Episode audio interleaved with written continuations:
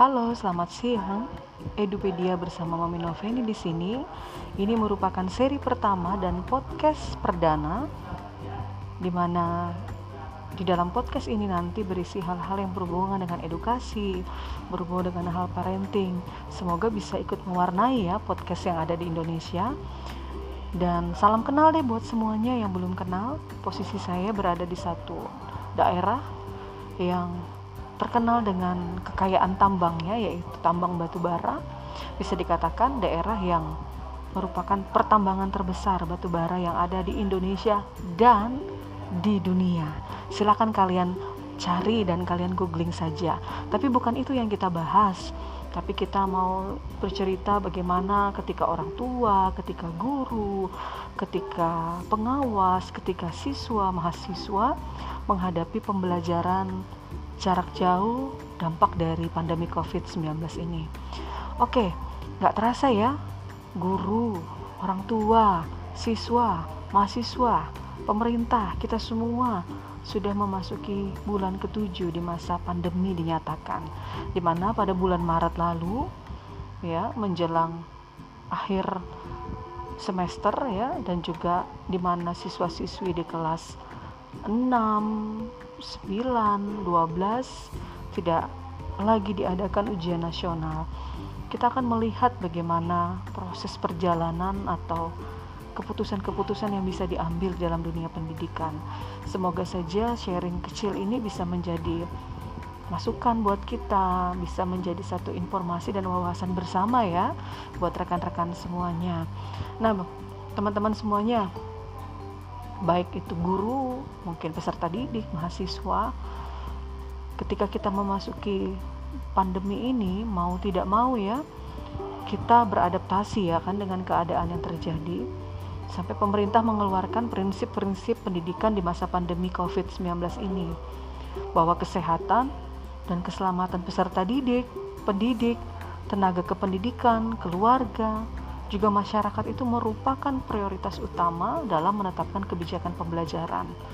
Yang terbaru kemarin, kalau kalian mengikuti ya di website Kemendikbud ya, di bulan Agustus bagaimana kurikulum itu bisa dipilih oleh setiap sekolah. Jadi ini bicara ini di dalam konteks sekolah kepada rekan-rekan guru dan sebagai wawasan buat eh, rekan-rekan uh, yang menjadi orang tua atau juga di sini ada anak-anak peserta didik atau mahasiswa silakan deh untuk jadi wawasan kita bersama ya sharing kita ini.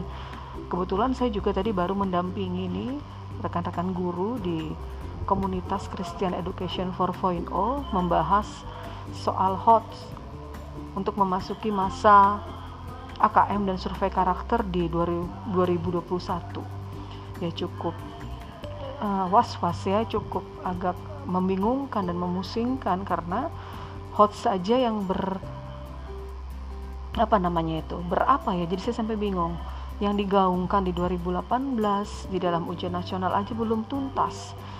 Lalu sekolah guru-guru harus menuju kepada AKM dan survei karakter. Ada juga yang mengatakan begini nih wah enak nih zaman PJJ para guru tuh santai. Yang yang capek orang tua nah harus lagi mengembalikan kepada kita sebagai orang tua, kalian sebagai orang tua, bahwa pendidikan yang utama tuh sebenarnya kan bukan di sekolah kalau mau mempelajari. Pendidikan yang utama tuh berapa persen ya persentasenya berada di siapa? Keluarga atau orang tua. Orang-orang yang ada di dalam penyelenggaraan pendidikan sebenarnya membantu jalannya proses penyelenggaraan pendidikan yang diatur oleh undang-undang dan pemerintah. Tapi nggak apa-apa deh, eh, masing-masing orang punya pendapat kan, masing-masing orang punya Eh, saran, punya kritik dan lain sebagainya terhadap proses pembelajaran. Tapi yang perlu kita ketahui pada saat uh, siang hari ini supaya kita bisa melihat apa sih PJJ itu, apa sih PDR itu, dan ketika guru harus menghadapi digital class atau PJJ dan PDR, apa yang saya harus lakukan? Saya percaya teman-teman guru dan juga teman-teman yang menjadi orang tua ini sudah melihat nih berbagai macam media, berbagai macam cara yang digunakan oleh siapa? Oleh guru untuk tetap melaksanakan proses pembelajaran itu. Bahkan bulan-bulan ini kan sudah masuk baik SD, SMP atau juga SMA, SMK di dalam penilaian tengah semester untuk menilai kompetensi dasar apa yang sudah dicapai oleh siswa-siswi kita. Oke, kita lihat. Nah, podcast ini merupakan salah satu media loh kalau bisa digunakan oleh rekan-rekan guru. Nanti rekan-rekan orang tua mungkin bisa nih menyarankan menggunakan podcast kalau si anak senang auditorial mendengar. Kalau dia senangnya secara visual, atau bergerak bisa juga nanti gurunya tetap di dalam uh, learning management system yang sudah mereka terapkan di sekolah masing-masing. Nah kita akan lihat nih supaya nggak ngalor ngidul ke mana-mana ya. Jadi kita akan melihat atau kita akan sharing nih mengenai apa itu ketuntasan kurikulum, apa itu cara guru, cara orang tua selama BDR dan kira-kira model pembelajaran di masa PJJ itu seperti apa sih? Apakah yang sudah diterapkan oleh sekolah, oleh guru ini sudah pas? Karena memang kan menurut uh, surat edaran atau berdasarkan surat edaran yang ada, nah, keputusan Kalitbang dan lain sebagainya, bahwa selama satu semester ini kita mencoba masa PJJ atau pembelajaran jarak jauh atau BDR belajar dari rumah. Kita akan melihat nih podcast ini LMS yang dilakukan oleh sekolah dan guru merupakan elemen dalam pembelajaran digital. Saya jelas berhubungan dengan internet supaya bisa terhubung dengan teman-teman sekalian pada saat ini menggunakan media podcast. Jelas nanti teman-teman ini untuk guru sih ya, untuk teman-teman guru atau yang konsen di bidang pendidikan akan melihat bahwa elemen-elemen yang ada di dalam kelas digital yang kita lakukan secara daring pada masa PJJ ini mulai dari space-nya sampai kepada produk dan opportunities. Nah, ini yang harus kita pahami bersama-sama nih. Apakah sudah teman-teman memahami hal ini supaya tidak terjadi ketimpangan? Kalau yang istilahnya masih berlari, ya mau tidak mau uh, mengikuti ini atau bukan berlari, apa tuh namanya tuh? Masih diam di tempat. Mau tidak mau dia harus berlari untuk mengejar ketertinggalan apa yang dia kerjakan dan lakukan itu ya. Nah kemudian kita harus melihat di sini bahwa dalam keputusan kurikulum ketika ini digaungkan di bulan Juni kemarin bahwa kurikulum yang dilaksanakan pada masa pandemi ini tidak perlu dipaksakan. Artinya pembelajarannya harus nah ini orang tua harus tahu nih pembelajaran yang diberikan guru harus sesuai dengan kemampuan guru seandainya yang ada di situ adalah apa namanya hmm, jadi bingung saya. Seandainya di situ yang dilakukan guru harusnya bisa daring dan luring karena kondisi keterbatasan mungkin akses data dan lain sebagainya maka dia hanya menggunakan luring. Nah orang tuh harus paham ini karena tidak semua terjangkau akses data atau sinyal data yang lancar. Tapi semua kan sudah diberi bantuan ini anak-anak ini ketika harus menggunakan uh, learning management system atau aplikasi seperti uh, Google Classroom, seperti Google Meet, seperti Zoom sudah diberi bantuan kan. Nah, jadi memang bagaimana tidak ada kata malas lagi buat gurunya, tidak ada lagi kata malas buat siswanya untuk belajar. Jadi konteksnya pada saat masa pandemi ini adalah konteks antara guru dan murid di mana para gurunya dan pendidik harus berinteraksi dengan peserta didiknya. Kalau tidak mampu, kalau perlu bantuan, gerakan nih komunitas kalian teman-teman guru di MGMP atau KKG supaya apa? Mendapatkan ide-ide baru di dalam BDR. Kemudian bisa menentukan skema PJJ menggunakan asesmen di bulan Agustus lalu kan disampaikan tuh namanya diagnostic assessment. Yuk, bagaimana cara kalian untuk mendiagnosa kelas, mendiagnosa keberhasilan pembelajaran, dan kemudian ketika kurikulum darurat digaungkan atau penyederhan kurikulum, bagaimana sekolah di tahun ajaran baru ini kan bisa menyesuaikan? Lalu pemerintah juga sudah mengeluarkan dana yang begitu besar melalui program-program Merdeka Belajar, guru pembelajar, bahkan pendamping guru pembelajar. Itu memberikan apa teman-teman? Teman-teman guru nih dan juga rekan-rekan orang tua itu memberikan keleluasaan kepada satuan pendidikan, kepala sekolah, guru untuk melakukan inovasi yang digunakan dalam berbagai keadaan. Jadi nanti pembelajaran kita yang sudah kita lewati beberapa bulan ini tujuh bulan ya, ya dari uh, semester lalu ini sudah tujuh bulan termasuk masuk tahun ajaran baru ini percobaan di satu semester ini tinggal ini sudah bulan September, Oktober, November, Desember tinggal tiga bulan lagi. Apakah ini berhasil skemanya dalam jaringan atau luar jaringan? Akhirnya terjadi pembelajaran blended learning. Nah itu ya teman-teman ya. Dan juga para orang tua yang perlu kita pahami di masa uh, PJJ ini di masa BDR ini. Dan supaya gurunya memiliki inovasi selama pembelajaran ini ada kiat-kiatnya loh salah satunya bagaimana guru membiasakan menghargai kreativitas anak. Halo para orang tua, sudah cek nggak hasil pekerjaan anak-anak kalian, anak-anak bapak ibu semuanya? Apakah gurunya sudah menghargai setiap kreativitas anak? Apakah gurunya sudah memberikan yang terbaik di dalam proses pembelajaran PJJ? Jangan-jangan hanya cuma drill soal. Saya tidak uh, kontra terhadap apa yang dilakukan orang, uh, sorry, yang dilakukan oleh guru ya, tetapi ini melihat kondisi nyata ketika teman-teman orang tua sharing, saya juga sebagai orang tua melihat ternyata banyak masih banyak guru yang harus terus belajar atau terakhir masih banyak guru yang masih hanya sekedar mendrill soal, mencatat saja. Jadi yang terjadi di proses pembelajaran hanya melihat nilai-nilai saja. Apa yang terjadi? Anak-anak hanya sekedar cari di Google, cari di uh, mesin pencarian lain, catat dan tulis. Harusnya kan kalau mengingat kembali di dalam K13, kan bisa tiga nih digunakan K13 kah, yang kalit bank, atau yang disederhanakan sesuai dengan sekolah dan uh, kemampuan dari guru sendiri. Tinggal Anda yang ya Anda para guru yang memilihnya. Lalu apakah kita sudah bisa bersikap terbuka ini terhadap hal-hal baru dalam dunia pendidikan? Dalam arti ketika ada metode, pendekatan, informasi baru kita bersifat terbuka, bukannya malah mengeluh aduh yang tadi belum selesai sudah harus yang seperti ini. Karena apa? Dunia pendidikan itu terus berada. Dunia pendidikan itu selalu up to date di dalam strategi di dalam pendekatan di dalam model dan media.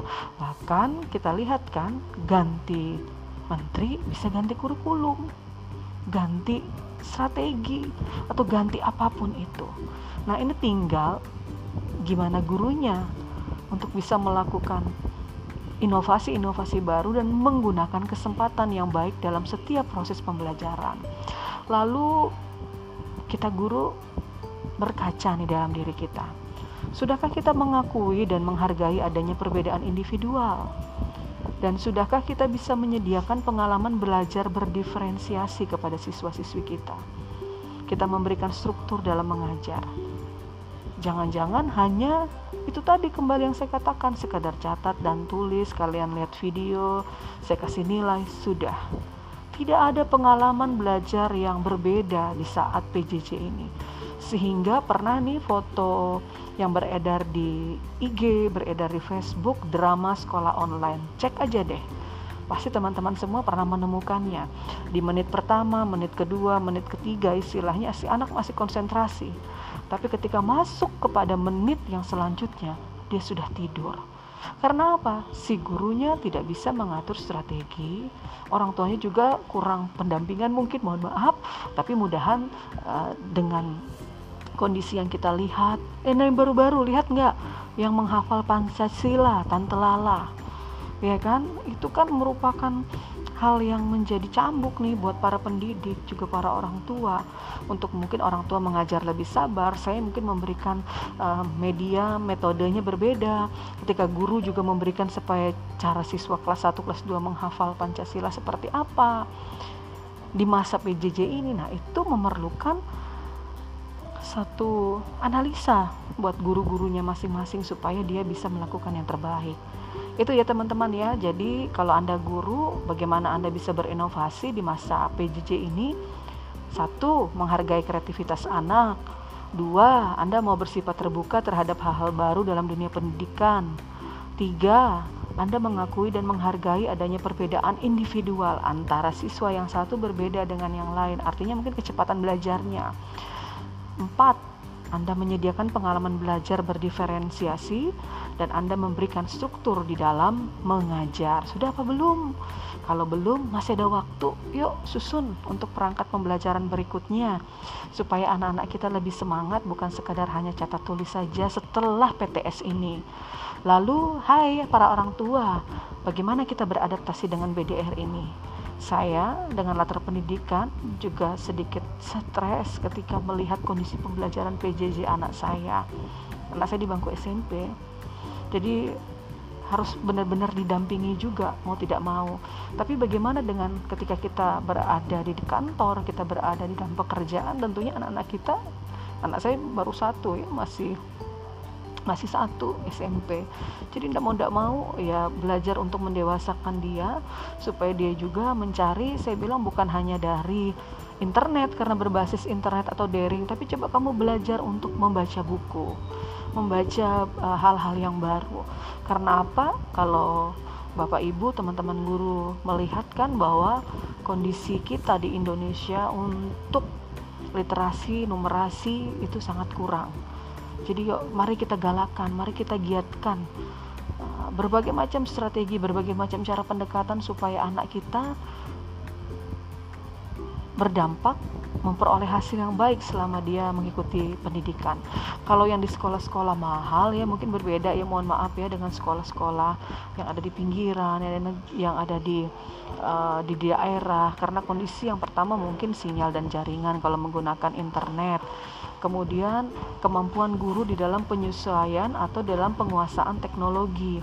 Nah, ini yang harus diperhatikan bersama-sama dan juga orang tua. Orang tua belum tentu bisa terus mendampingi siswanya atau anaknya dan orang tua mungkin ada orang tua yang bekerja dan bahkan mungkin gaptek dengan penggunaan media melalui online HP aja mungkin gaptek kan untuk digunakan biasanya untuk telepon aja dan SMS atau WA saja.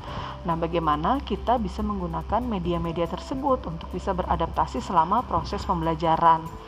Oke. Nah, ini mau tidak mau kalau dari saya pribadi ini kepada rekan-rekan yang saya dampingi, saya juga terapkan itu kepada anak saya di rumah bagaimana kita memetakan sebenarnya sebelum masuk kemarin sih di bulan Juli tapi nggak masalah sih kalau kalian rekan-rekan guru orang tua teman-teman bersinergi satu sama lain untuk membuat satu penelitian tentang skala prioritas terhadap hal-hal yang perlu dikembangkan di dalam kehidupan pembelajaran siswa. Cek kembali 18 nilai karakter. Atau nggak usah ambil 18 nya itu bisa saja mulai dari religius sampai kecakapan hidup. 10 aja deh diambil yaitu misalkan religius, kejujuran, cinta kebersihan dan lingkungan, peduli, nasionalis, apalagi ketekunan, kerajinan, hmm, disiplin, kemandirian, sampai kepada kecakapan hidup.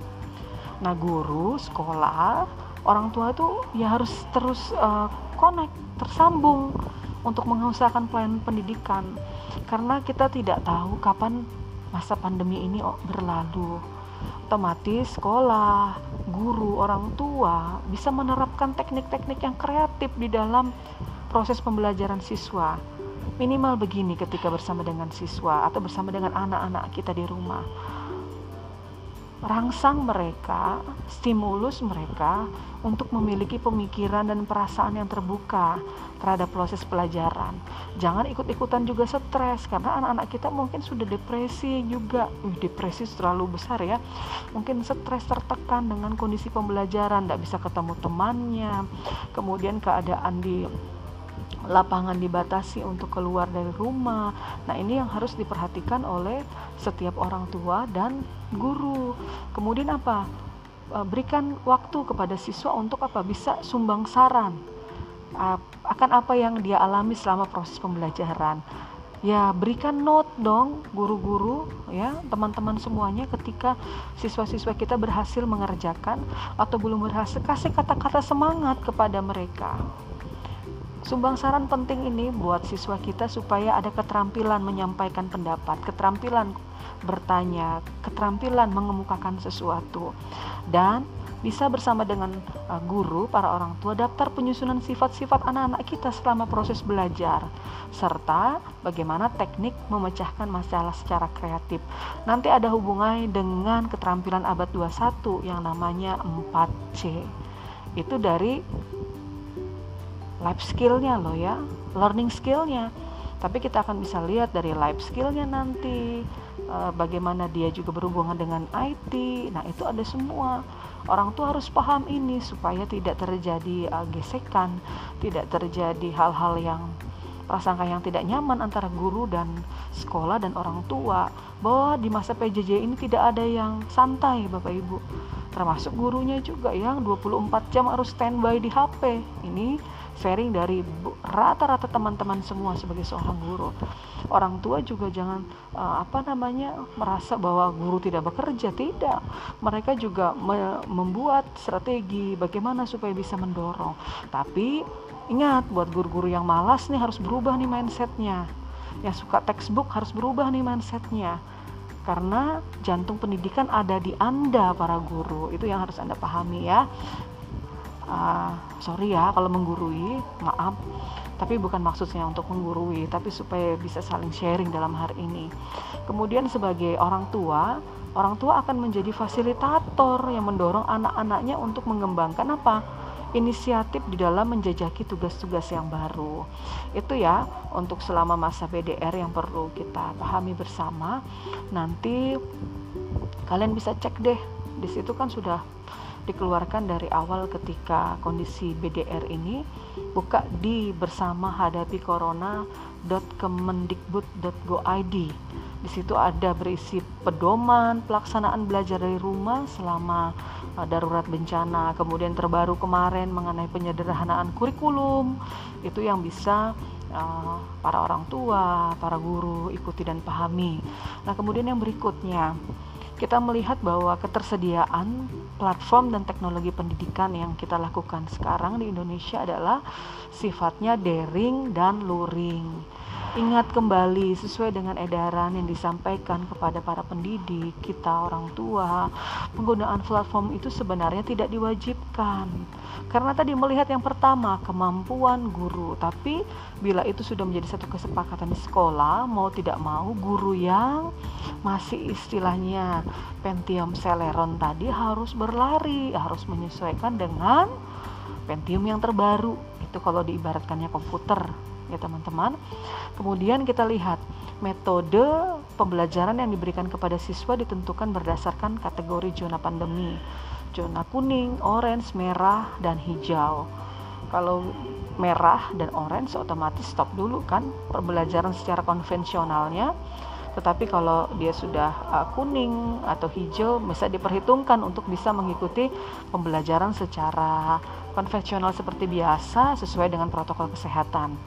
Nah, pemerintah mencanangkan atau menyampaikan kepada kita bahwa model pembelajaran hybrid atau kombinasi yang diusulkan di dalam masa PJJ ini bisa menciptakan SDM unggul, sumber daya manusia unggul dan inovatif supaya bisa meningkatkan kompetensi anak-anak kita, siswa kita di dalam dunia global.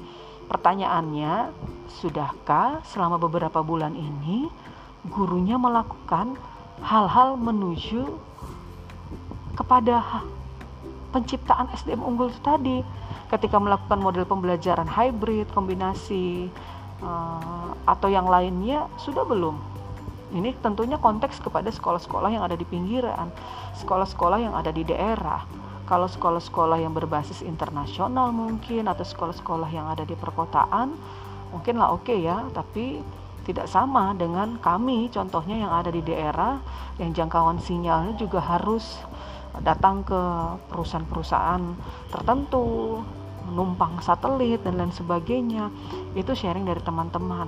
Tapi saya bilang kepada rekan-rekan binaan atau rekan-rekan yang di CE tadi Yuk, gunakan semua sumber daya yang ada dalam arti tidak mesti harus menggunakan daring, daring, tapi bisa juga menggunakan luring. Mau tidak mau ya mengadakan home visit kepada orang tua, wali murid ya kan sesuai dengan protokol kesehatan. Yang penting proses penyelenggaraan itu tetap berjalan dengan baik. Itu ya teman-teman. Uh, kemudian untuk pembelajaran dibilang kombinasi tadi namanya blended learning itu sebenarnya sudah dilakukan sih uh, oleh orang-orang uh, ahli-ahli pendidikan atau pembelajaran di luar sana yang memang aksesnya uh, nyaman seperti Amerika, Kanada, bahkan Finlandia yang keren sekali sistem pendidikannya. Sebenarnya Indonesia juga bisa, cuman memang harus benar-benar bagaimana setiap elemen dalam pendidikan itu mau berubah dari pola pikir yang lama, bukan pada kepentingan-kepentingannya sendiri. Benar enggak? Gimana menurut kalian? Aku tunggu ya responnya ya ketika aku sampaikan ini supaya kita semua bisa memajukan terus pembelajaran. Jangan lupa teman-teman guru untuk mendesain pembelajaran kalau bisa memang blended ya didesain sedemikian rupa menggunakan tatap muka tradisional yang dikombinasikan dengan pembelajaran online berbasis web. Jangan hanya video tok juga. Lama-lama pernah baca sih ya, nanti lama-lama bukan hanya video aja kan orang pada lama itu bikin video. Tapi itu lupa ada juga gaya belajar anak yang belum tentu visual senang. Menonton bisa jadi mengantuk tapi sih dengar-dengar. Gambar bergerak animasi dan lain sebagainya bisa menaruh apa minat siswa untuk belajar seberapa persen. Tapi ada juga yang senang kayak gini mendengarkan radio lewat auditorial mendengarkan podcast. Nah media inilah seperti podcast yang bisa juga anda gunakan untuk menjangkau siswa dalam proses belajar. Itu ya teman-teman untuk seri pertama pada hari ini perkenalan dulu supaya pada berikutnya hari-hari berikut, waktu-waktu berikut bisa lebih baik dan lebih nyaman. Karena memang sepertinya kondisi real time ya, kondisi apa adanya saat ini direkam. Karena kalau suara-suara yang kayak tadi itu masuk semua ya agak terganggu. Tetapi semoga apa yang disampaikan ini bisa menjadi eh, masukan bahan sharing bersama kita untuk memajukan pendidikan yang ada di Indonesia. Salam sehat selalu, tetap pakai masker, cuci tangan, ya. Kalau berpergian gunakan protokol kesehatan, masuk kerja gunakan protokol kesehatan dan lain sebagainya supaya kita memutus mata rantai COVID-19. Salam sehat semua dari Sangata Edupedia bersama Mami Noveni. Terima kasih.